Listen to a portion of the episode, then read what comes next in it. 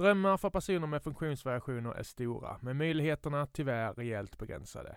Detta vill Forshaga-akademin ändra på genom en ny individanpassad yrkesutbildning på gymnasienivå. Läs mer på forshagaakademin.se. Vi presenteras även av ICA Maxi Karlstad ute på Bergvik. Känn dig varmt välkommen till oss på Maxi Karlstad, önskar Christer med personal. Tack för att ni möjliggör den här podcasten. Nu rullar vi vignetten. Podcastgästen idag har upplevt både höga berg och lite djupare dalar, både bildligt och bokstavligt talat. Men skidåkaren Anna Lidberg låter inte hjärt och knäproblem stoppa henne och nu sitter hon framför mig. Välkommen hit Anna! Tack så mycket! Hur mår du idag? Jag mår bra tack! Ja. Hur mår du? Jag mår bra. Som sagt, ny utrustning. Det är alltid lite nervöst. Jag tittar spänt på skärmen här, men det verkar som att vi, vi har ljud nu. Hur har din dag sett ut idag? Eh, idag har det varit en eh, lugn morgon. Mm. Eh, har eh, käkat frukost, tagit en liten promenad och nu är jag här. Mm. Student i Karlstad, Student i Karlstad. idrott och hälsa har jag förstått. Mm. Ja. Läser andra året på Karlstad universitet. Här. Av slumpen så har vi haft väldigt mycket folk från den utbildningen. Det har varit både innebandyspelare och personliga tränare och så vidare. Alla går och ser. Hur många är ni egentligen i Ja, klassen? ja. eh, ja men vi var närmare, vi var kanske drygt 30 som började förra året. Okej. Sen är det några stycken som har droppat av. Ja. Jag har sett att det är en del Halva som klassen har varit med Ja, snart. jag har sett det. Ett bra gäng. Ja. Men, men hur är det att vara student nu? Börjar det lätta upp? Får man hänga i gläntan och fiket och så vidare igen? Eller hur, hur ser det ut där uppe? Ehm, Ja, det har ju varit lite speciellt. Det har ändå gått ett helt år och man har inte varit särskilt mycket i skolan. Eh, däremot är det ju öppet att kunna sitta i biblioteket och vara där. Mm. Eh, men vi har inte haft så mycket studier på plats. Sen är vi en relativt liten klass eh, så vi har ändå fått möjlighet att ses lite grann i idrottshallen och köra lite Mm. praktiska tillfällen. Ni Så har inte blivit helt isolerade under året? Inte helt.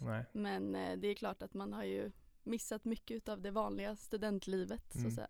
Ja, jag har sett eh, dagliga nollningar utanför mitt hus i alla fall. Så ni, ni håller igång studenterna. nu är ni på gång igen känns det som. Ja, personligen har jag tyvärr inte haft möjlighet att vara med på det. Men eh, jag har haft fullt upp med annat. De får unna sig lite. Mm. Väldigt kul att ha dig här och vi ska alldeles strax prata mer om din eh, skidkarriär. Men vi brukar alltid börja med att lära känna våra gäster lite, genom lite snabbfrågor. Yes. Är du beredd? Ja. Fullständigt namn. Anna Therese Lidberg. Så här hade dina bästa vänner beskrivit dig. Oj, är det en snabb fråga? Mm. Eh, Det kan vara en komplex personlighetsbeskrivning. men Jag Ja. tänkte mig bara lite allmänna. eh, Ja, snäll kanske. Ja. Försöker vara omtänksam. Jag, jag anar nästan det när vi pratar här inför och det, det, det kommer vi till. Du önskar att du hade varit bättre på. Att eh, slutföra mina idéer tror jag. Vad, har du något exempel? Nej men jag har bara på senare år reflekterat över att jag eh, har ganska lätt att starta igång grejer och få lite idéer. Eh, och inte riktigt lika duktig på att fullfölja helt och Jag, hållet. jag fick den känslan att vi påminner lite varandra om det där, för jag såg att du hade startat en blogg. Men det var inte jättemånga Nej. inlägg. Alltså, Nej. sån är jag också. Jag startar massa grejer och sen lägger man Ja ner. det är faktiskt sant. ja, jag tänkte ja. tanken. Att det här var inte så länge du hade. Nej, nej. Vad hände ja, där? lite så. Nej men det är, eh, när jag väl får, får för mig någonting då gör jag det. Ja, Eh, du brinner sen för... så kommer det någonting annat och då gör jag det. Ja, Och då har det väl trillat av ja. lite grann. Jag känner igen det så väl. Jag får lite puls när jag tänker på det. Jag måste slutföra grejer. Ja men lite så faktiskt. Ja, det kanske kommer med tiden också. Men, men du ämnar göra klart dina studier så hoppas jag. Ja men det har jag tänkt att fullfölja. Ja, vad bra. det här lagar du när du vill imponera på någon. Hur är du i köket? Mm, helt okej tror jag. Mm? Jag har ett recept på någon slags pokebowl Mm? med halstrad tonfisk och eh, någon egen sojamajonnäs och lite färska grönsaker och risnudlar. Okej. Vi har haft 50 gäster. Det där lät nog mest avancerat Ja. hittills. ja, det, är brukar- inte, det är inte så avancerat. Nej, men ändå halstrad tonfisk. Ja, det är inte många som känner nästan till. tillagad. Ja, men det är, det är hälso och idrottsgenerna i dig tror jag. Hur är det som bilförare? Är du planerande och säker eller våghalsig och opportunistisk? Jag tänker på din skidkarriär. Jag skulle faktiskt säga det första alternativet. Mm? Ehm, väldigt återhållsam skulle Ja. jag säga. Lämpet fixar du och så vidare. Ja men jag tror många som jag åker med vet om att jag brukar vara väldigt, inte, jag skulle inte säga försiktig på det sättet Nej. men eh, tänker på konsekvenserna ha Snyggt. respekt Ja. skulle jag säga. Sitter du bredvid och kör också eller när de kör? Eh, ja, Ja. absolut. Vad jobbigt. och jag blir inte mindre orolig när man är den första som ser älgen och de andra säger nej det där såg inte jag. Nej, jag förstår. lite kontrollbehov. Absolut. Favoritserie? Mm. Modern Family kanske. Mm? Vad är det bästa med det tycker du? Lättsamt, kul. Aktuellt och smart? Ja, Alltså Och- så. med små lättsamma reflektioner av livet i Ja. stort. Snyggt. Vad gör du helst en ledig dag? Så mycket som möjligt tror jag. Mm? Du ligger inte hemma i, i tv-soffan? Jo, kanske det också. Men eh, ja, försöka hinna med sånt som är kul. Du, Röra på mig. vi sitter bredvid ett gym här och du sa att du skulle hoppa in där direkt efter det här. Ja, Känns lite planerande, ja. det blir några gympass också. Ja, det förstår jag. Vi har även fått lite läsarfrågor. Varför började du åka utför och vem var din idol när du var liten? Eh, att jag började åka lägger jag på mina föräldrar, eller Mm. tackar för mina föräldrar för ska jag väl säga. Pappa har själv eh, åkt en del och varit tränare i många år och Okej. även innan jag och min bror föddes. Så det blev väldigt naturligt att vi började åka skidor. Mm. Eh, sen så har familjen haft en stuga i Trysil sen vi Ja. var små. Så där har vi varit en del. Mm. Eh, så jag var väl två, kanske närmare tre, när man stod på skidor första gången. Jag var inne och snokade och såg fina bilder från Trysil. Du, du, jag förstår att det är en kär plats för dig. Det är absolut favoritplatsen. Så det var liksom, det var väldigt naturligt för dig. Ja, Mm. Är du aldrig rädd när du åker? Är det en annan som frågar här? nja. Jag skulle säga att jag Nej, det skulle jag nog inte säga att jag är. Ehm, utan man håller sig ju inom sin kontroll, eller vad man ska säga. Och det är det man försöker pusha så att man Ja men det är det jag menar, som elitåkare måste man inte pressa sig lite utanför det ganska ofta eller? Alltså någonstans där man inte har kontroll tänker jag att man inte heller är den som styr. Så så Nej. länge man är den som styr så har man ju fortfarande kontroll på det man gör även Mm. om det kanske går mer eller mindre snabbt. Jag läser, det här är faktiskt från mig själv. Spännande. Ja, ni som kan åka skidor, vad tänker ni rent hypotetiskt alltså när ni ser 40 plus män som valleviar sig ner för Hundfjällets barnbacke på skakiga ben? Hur ska jag ta mig förbi? För min, min sambo tvingar med mig upp till Sälen. Jag hade Ja. aldrig åkt skidor förrän jag var 38 och jag är lika rädd varenda gång och så jag känner mig så jävla dum när ni svischar förbi tioåringar. ja, Vad tänker man? Ni, man ska bara hålla sig undan eller? ja, alltså Eller Ni- hånskrattar ni innanför nej. skidmasken? Nej. nej, det är jättekul att folk åker skidor. Okej, det är snart vecka 12 igen. Jag börjar redan bli nervös. Men vi pratar om det här, född och uppvuxen i Karlstad och du är, du är kvar än. Du, du verkar trivas här. Ja, däremot så har jag ju varit, jag har inte bott här ganska många år Nej, egentligen. det kommer vi till. Eh, Så att, Mm. Men ja, absolut. Och skidåkningen, två år sa du. Märkte du direkt att, du, att det, var något för dig eller? Eh, Sånt ja, reflekterar man kanske inte över när man är två år gammal men nej men ehm, vi var iväg på lite små tävlingar och sånt där när vi var, när vi var små. Man kanske var fem, sex, sju när man körde några tävlingar. mm, Eh, och så vet jag att jag någon gång har sagt till min pappa att nästa gång det är tävling så tvinga mig att åka med. För jag kommer säga nej för det är så tråkigt att åka bil men när jag väl är Mm. där tycker jag det är så kul. okej. Eh, Vantrivs i bilen. Ja, nej men så att eh, alltså det har alltid funnits en glädje och vilja till att åka skidor från min sida. Märkte du direkt att du hade talang? Just talang tycker jag själv är ett väldigt eh, svårt begrepp. Varför då? Vad det nu innebär. Ja, men Eh, kom det lätt för dig? Det är väl granne med naturligt då såklart Mm. men Men de här tävlingarna och sådär, gick det i dem? Eh, jag var väl inte, jag var absolut inte bäst när jag var liten. Nej. Utan eh, började väl liksom pika lite mer när jag var runt 12-13 års åldern kanske. Mm. Eh, och sen har det varit en berg och dalbana sen dess Mm. skulle jag säga. Det här är något jag alltid undrat över själv. Som, som, alltså jag känner i varenda muskel när jag åker ner att jag spänner mig. Alltså, hur, hur, känns det när man får till ett perfekt lopp? Eller när man är inne i ett perfekt flow liksom, som elitåkare? Och det är häftigt. Ja, går det att beskriva? Jag är ju, jag har ju en extra stor kärlek till just slalom, slalom. Och har ju Mm. valt att liksom lägga min, mitt fokus på just den grenen. Och känslan av att svängarna bara flyter på och att man ligger rätt och att man får lagom skjuts i svängarna och höra käppljuden smasha i snön och ja, det Det är en väldigt speciell rytm. Ja, Alltså får, går du runt och tänker så här? Ja, Alltså men det är, något, det är ju något beroende bara för oss andra som hör det liksom. Men jag tänker om man åker. Ja. Knäpp fråga men du förstår Nej men det är alltså jag, jag kan stå, man brukar ju besikta banan och ploga igenom lite innan både träning och tävling. Mm, Eh, och jag kan stå få rysningar bara av alltså tanken på, mm. tanken på de känslorna. Så att, ja. Det Det, är, det är ett ljud man aldrig tröttnar på. eller Nej men verkligen, Ja. verkligen. Och du, du sa att du inte varit här hela tiden. Jag vet ju att du bland annat var emellan eh, på skidgymnasiet i, i Torsby. Berätta om den upplevelsen. Eh, jo men det var, det var jättehäftigt. Så vi flyttade upp när vi var 16 och gick eh, gymnasiet där uppe då. Eh, det var en eh, fyra års utbildning istället för tre. Det är internat, man bor, man bor där. Du flyttar upp där Ja själv men precis, eller? Ja. precis. Så att eh, fick eh, skaffa en lägenhet där uppe och börja gymnasiet och börja ta lite mer eget ansvar och Mm. få vara med andra skidåkare. Och Det är därför du kan laga mat också? Eller? Förhoppningsvis, någonting har jag behövt äta. Ja. Eh, nej men det var en jätte en jätteupplevelse och jag trivdes jättebra där uppe. Mm. Gjorde jag. Vad tar du främst med dig därifrån? Den största lärdomen?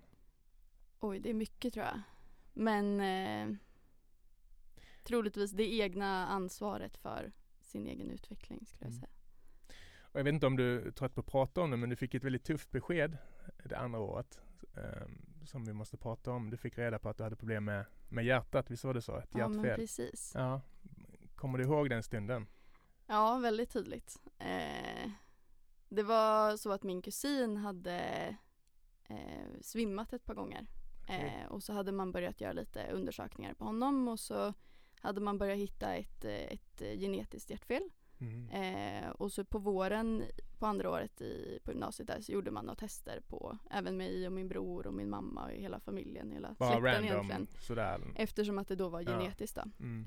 Eh, så då börjar man med ett vanligt EKG. Eh, sen hann det gå fram till sist, ja, men hösten i, i trean egentligen. Eh, och där någonstans, att börja skidgymnasiet var jättekul och det var väldigt mycket som hände, det var mycket runt omkring. Men där någonstans hade jag verkligen börjat landa i att ja men nu gör vi verkligen det här. Med liksom Mm. lägga ner all träning och verkligen, verkligen satsa på det här. Det var, Committad? det var inget annat jag hellre ville göra. Och så hade läkarna hört av sig och så fick vi åka in på några möten och så fick vi börja prata lite och så visade det sig att även jag hade det här hjärtfelet. Ehm, och då heter det lång QT-syndrom. Mm. Ehm, vilket i princip innebär att tiden som hjärtat eh, när det ska dra ihop sig och ladda om för nästa slag vid fysisk aktivitet och stress så är den för lång. Okej. Eh, det vill säga typ ett tävlingsmoment kanske. Mm. och om den är för lång så kan man antingen svimma eller få hjärtstopp. Eh, och för att motverka det här så kan man äta medicin. Eh, och då kan man äta betablockerare vilket har en väldigt stor inverkan på fysiska förmågan när du tränar och sådär. Eh, så min första inställning var väl att ja, men jag kommer inte äta någon medicin och jag kommer inte sluta.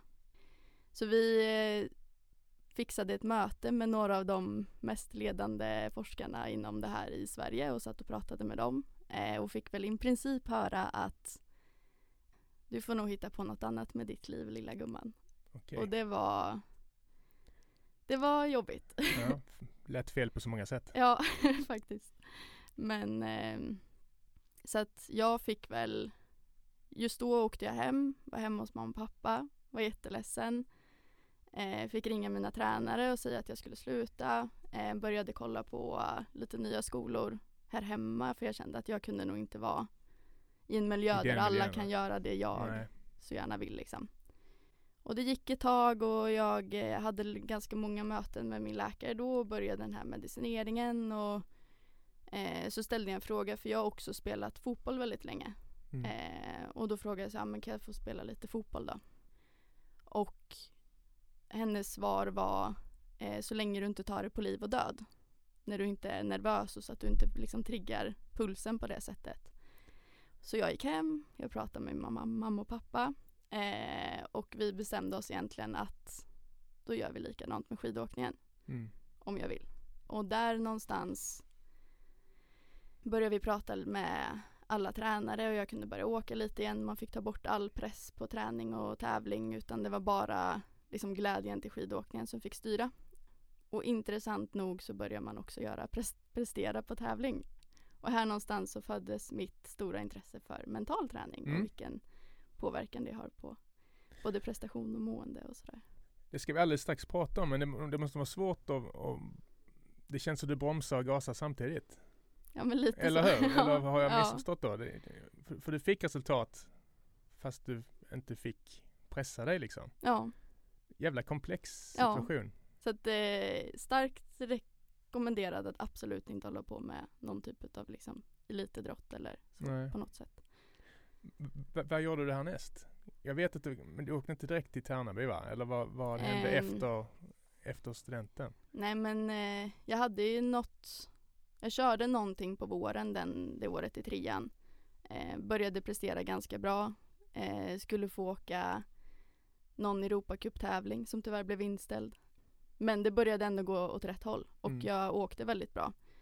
Eh, sen eh, lite i och med att man var väldigt hängiven till att träna och la liksom jag kände att jag offrar så mycket för att kunna göra det här så då offrar jag liksom allt. Så att jag prioriterar bort mycket i skolan och verkligen fokuserar på skidåkningen vilket också resulterade i kanske lite för mycket träning och mm. lite för lite vila för att viljan ändå var så pass stor. Och där någonstans så drog jag knät för första gången. Mm. så att eh, avslutade sista året på gymnasiet med en korsbandsskada och mm. ledbandsskada. Men jag tänkte på det här, alltså de måste ju ha övervakat dig. Sa de aldrig till dig att nu nu är det för lite mycket elittänk igen eller? Alltså jag... Ja, de har, de har suckat lite. De har suckat lite. Har de gjort. Men du kände aldrig av något själv i kroppen eller? Nej, eh, i och med att jag ändå tog medicinen så själva medicinen har jag ju känt av och mm. känner av.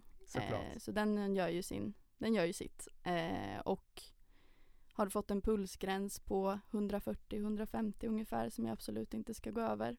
Ja det är det, eh. de, det är det de säger ja. Ja och ligger man liksom under den gränsen och dessutom är medicinerad så ser det ganska bra ut. Okej. Okay.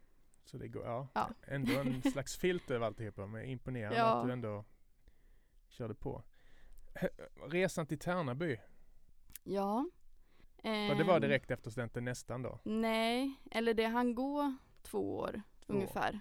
Eh, jag hade lite problematik med min rehab under första knäskadan. Eh, jag fick en infektion i knäleden efter operationen eh, så jag fick eh, operera och skölja igenom knät igen och så fick jag äta antibiotika i åtta veckor och ligga och det på sjukhuset. Två, plötsligt har två år gått liksom? Nej det där var precis när, eh, när operationen blev, blev mm. gjord då, så det blev lite extra lång eh, rehabtid på grund utav det där. Eh, så att jag var borta ganska länge ifrån skidåkningen. Så jag var hemma, läste någon kurs på universitetet, försökte jobba lite. Men eh, började sen efter det att träna igen och försöka komma igång med skidåkningen. Och körde väl en, en halv säsong eller något sånt där och sen sökte jag mig in på eh, Tärnaby skidakademi heter mm. det då. En, och det är svårt att komma in där har jag förstått. Ja, det krävs. Hård konkurrens. Det krävs i alla fall. Ja. Nå någonting. Det krävs någonting, jag är väldigt ödmjuk. Jag var inne och läste på lite.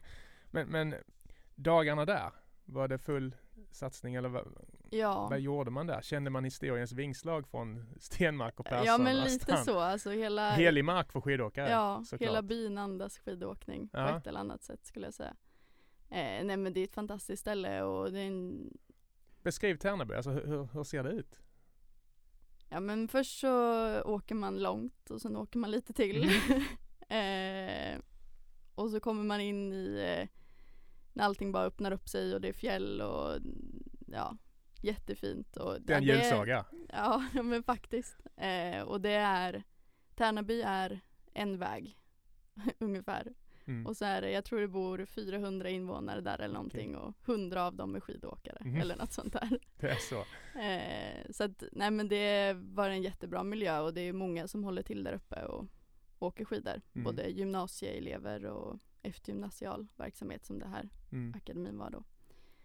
Så det var med den gruppen så var vi iväg på läger på försäsongen och så bodde vi där uppe och tränade och tävlade och eh, det blir mycket skidåkning. Det förstår jag. var, var, var det några man känner igen nu som, som tog sig hela vägen eller? Var det några profiler som Eh, vi har haft en kille där uppe, David Törnqvist heter han, Mm. som eh, har gjort en fantastisk resa som faktiskt nu i år är med i truppen i Mm. landslaget. Mm. Ehm, så han kom in mitt andra år uppe i Tärnaby. märkte man redan då att han var stack ut eller? Ehm, på hans attityd och hans eh, mentala inställning skulle jag absolut säga det. Mm. Men han var absolut inte den allra snabbaste just då. Eh, så det var jättekul att se hans utveckling, hur den har varit där uppe.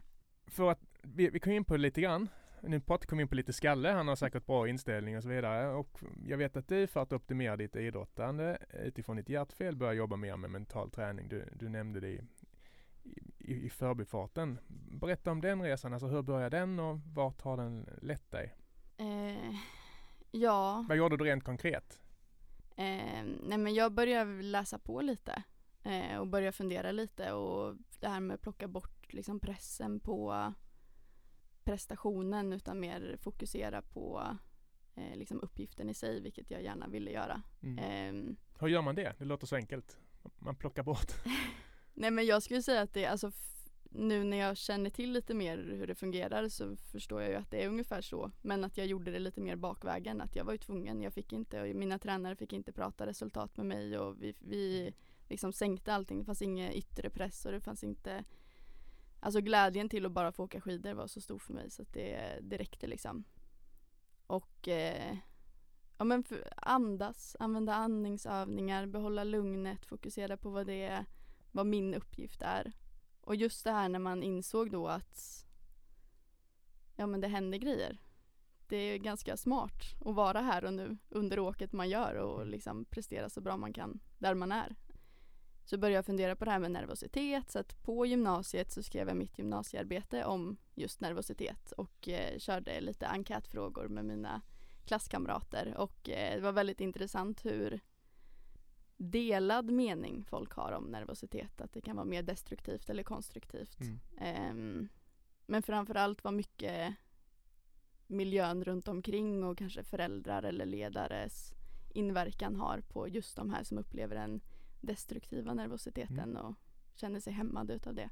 Men intressant för jag såg, jag såg att du även skrev en uppsats på universitetet om eh, skidåkning slash mental träning och då hade min gamla handledare Stefan Bengtsson såg jag Aha. stund. Nu blir det väldigt internt här men även jag hade honom Ja, och han väntar fortfarande på min uppsats om triggers och eh, spelberoende och så vidare. 15 Ja, ja. år senare väntar han på min uppsats. Så om du lyssnar på det här Stefan så, så ha tålamod för fan. det kommer. Ja, men jag såg hans namn så fick jag ett sting av dåligt samvete. Nej är, ja, det är kanske på väg Stefan. Vi, vi har träffats i andra sammanhang så vi brukar skoja om det varje Ja. gång vi ses. och det här, den uppsatsen du skrev, eh, det var ju bland annat för att det fanns en kunskapsbrist. För att studera om det fanns en kunskapsbrist Mm. inom den alpina skidåkningen, var det så? Eh, Ja men precis, det var lite utav alltså, huvudsyftet att ta reda på min egna upplevelse av observationer i, i idrotten är att det saknas kunskap om hur man hanterar nervositet eller hur man planerar, hur man hanterar framgång eller motgång eller Mm. just alltså de här konkreta eh, sakerna man ska göra eller kan göra för att få det att hjälpa utan det känns som många bara agerar på utefter känsla eller ehm, ja, så det, tanken var att undersöka lite hur, eh, hur det ser ut inom skidåkningen Mm. i Sverige idag. Ehm, Och, och de här kunskaperna. eh, Vi pratade lite här innan att din, din egna karriär kanske är, du vet inte riktigt vad du ska ta vägen nu. Du vill gärna hjälpa andra mm. och så vidare. Är, det här något som du vill känna att du, för jag vet att du har startat lite Instagramkonton och så vidare där du pratar om mental träning. Är, är det, det är något du brinner för som du gärna vill dela med dig av? Ja, vi diskuterade det här jag och en, en kompis för något, något år sedan att skidåkningen har verkligen alltid varit mitt största fokus och egentligen enda riktiga intresse på det sättet. Fram tills jag ja, men, har liksom landat i det här och känner att alltså välmående eller mental träning eller psykologi eller hur, man nu väljer att benämna det att det är också någonting jag brinner väldigt mycket för och tycker det är otroligt intressant. Så Mm. det är någonting jag verkligen vill göra mer av på något sätt. Och jag tror det finns en otrolig utvecklingspotential eh, inom det området, speciellt inom idrott men också i livet i stort. Är det därför du läser det du gör nu? För du vill, du vill ta det vidare någonstans framöver? Ja, alltså lite så. Mm. Eh, sen just att jag kom in på den här utbildningen var lite utav en slump. Jag hade innan jag skadade mig nu eh, för ett och ett halvt år sedan eh, sökt lite allt möjligt. Mm. Och sen så när jag var skadad och kom hem och det började närma sig hösten såg jag att vänta lite, jag har sökt ett program här. det ser Mm. ganska intressant ut.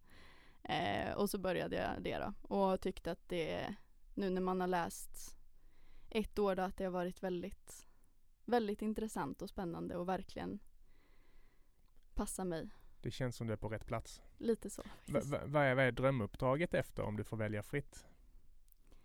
Jag funderar mycket på det där och jag tycker det känns jättesvårt Mm. faktiskt. Eh, och sätta riktigt fingret på vad, vad, vilket typ av yrke det är eller vad det är man gör utan mer liksom på något sätt inte bara prata om vad det är som är dåligt utan man har lite mer den här positiva inriktningen och fundera på hur kan vi liksom förebygga och ja, men, må, få folk att må så bra som möjligt både inom liksom, livet i sig och eh, med idrotten med hjälp av någon typ av kombination av både fysisk och psykisk träning, tänker Mm.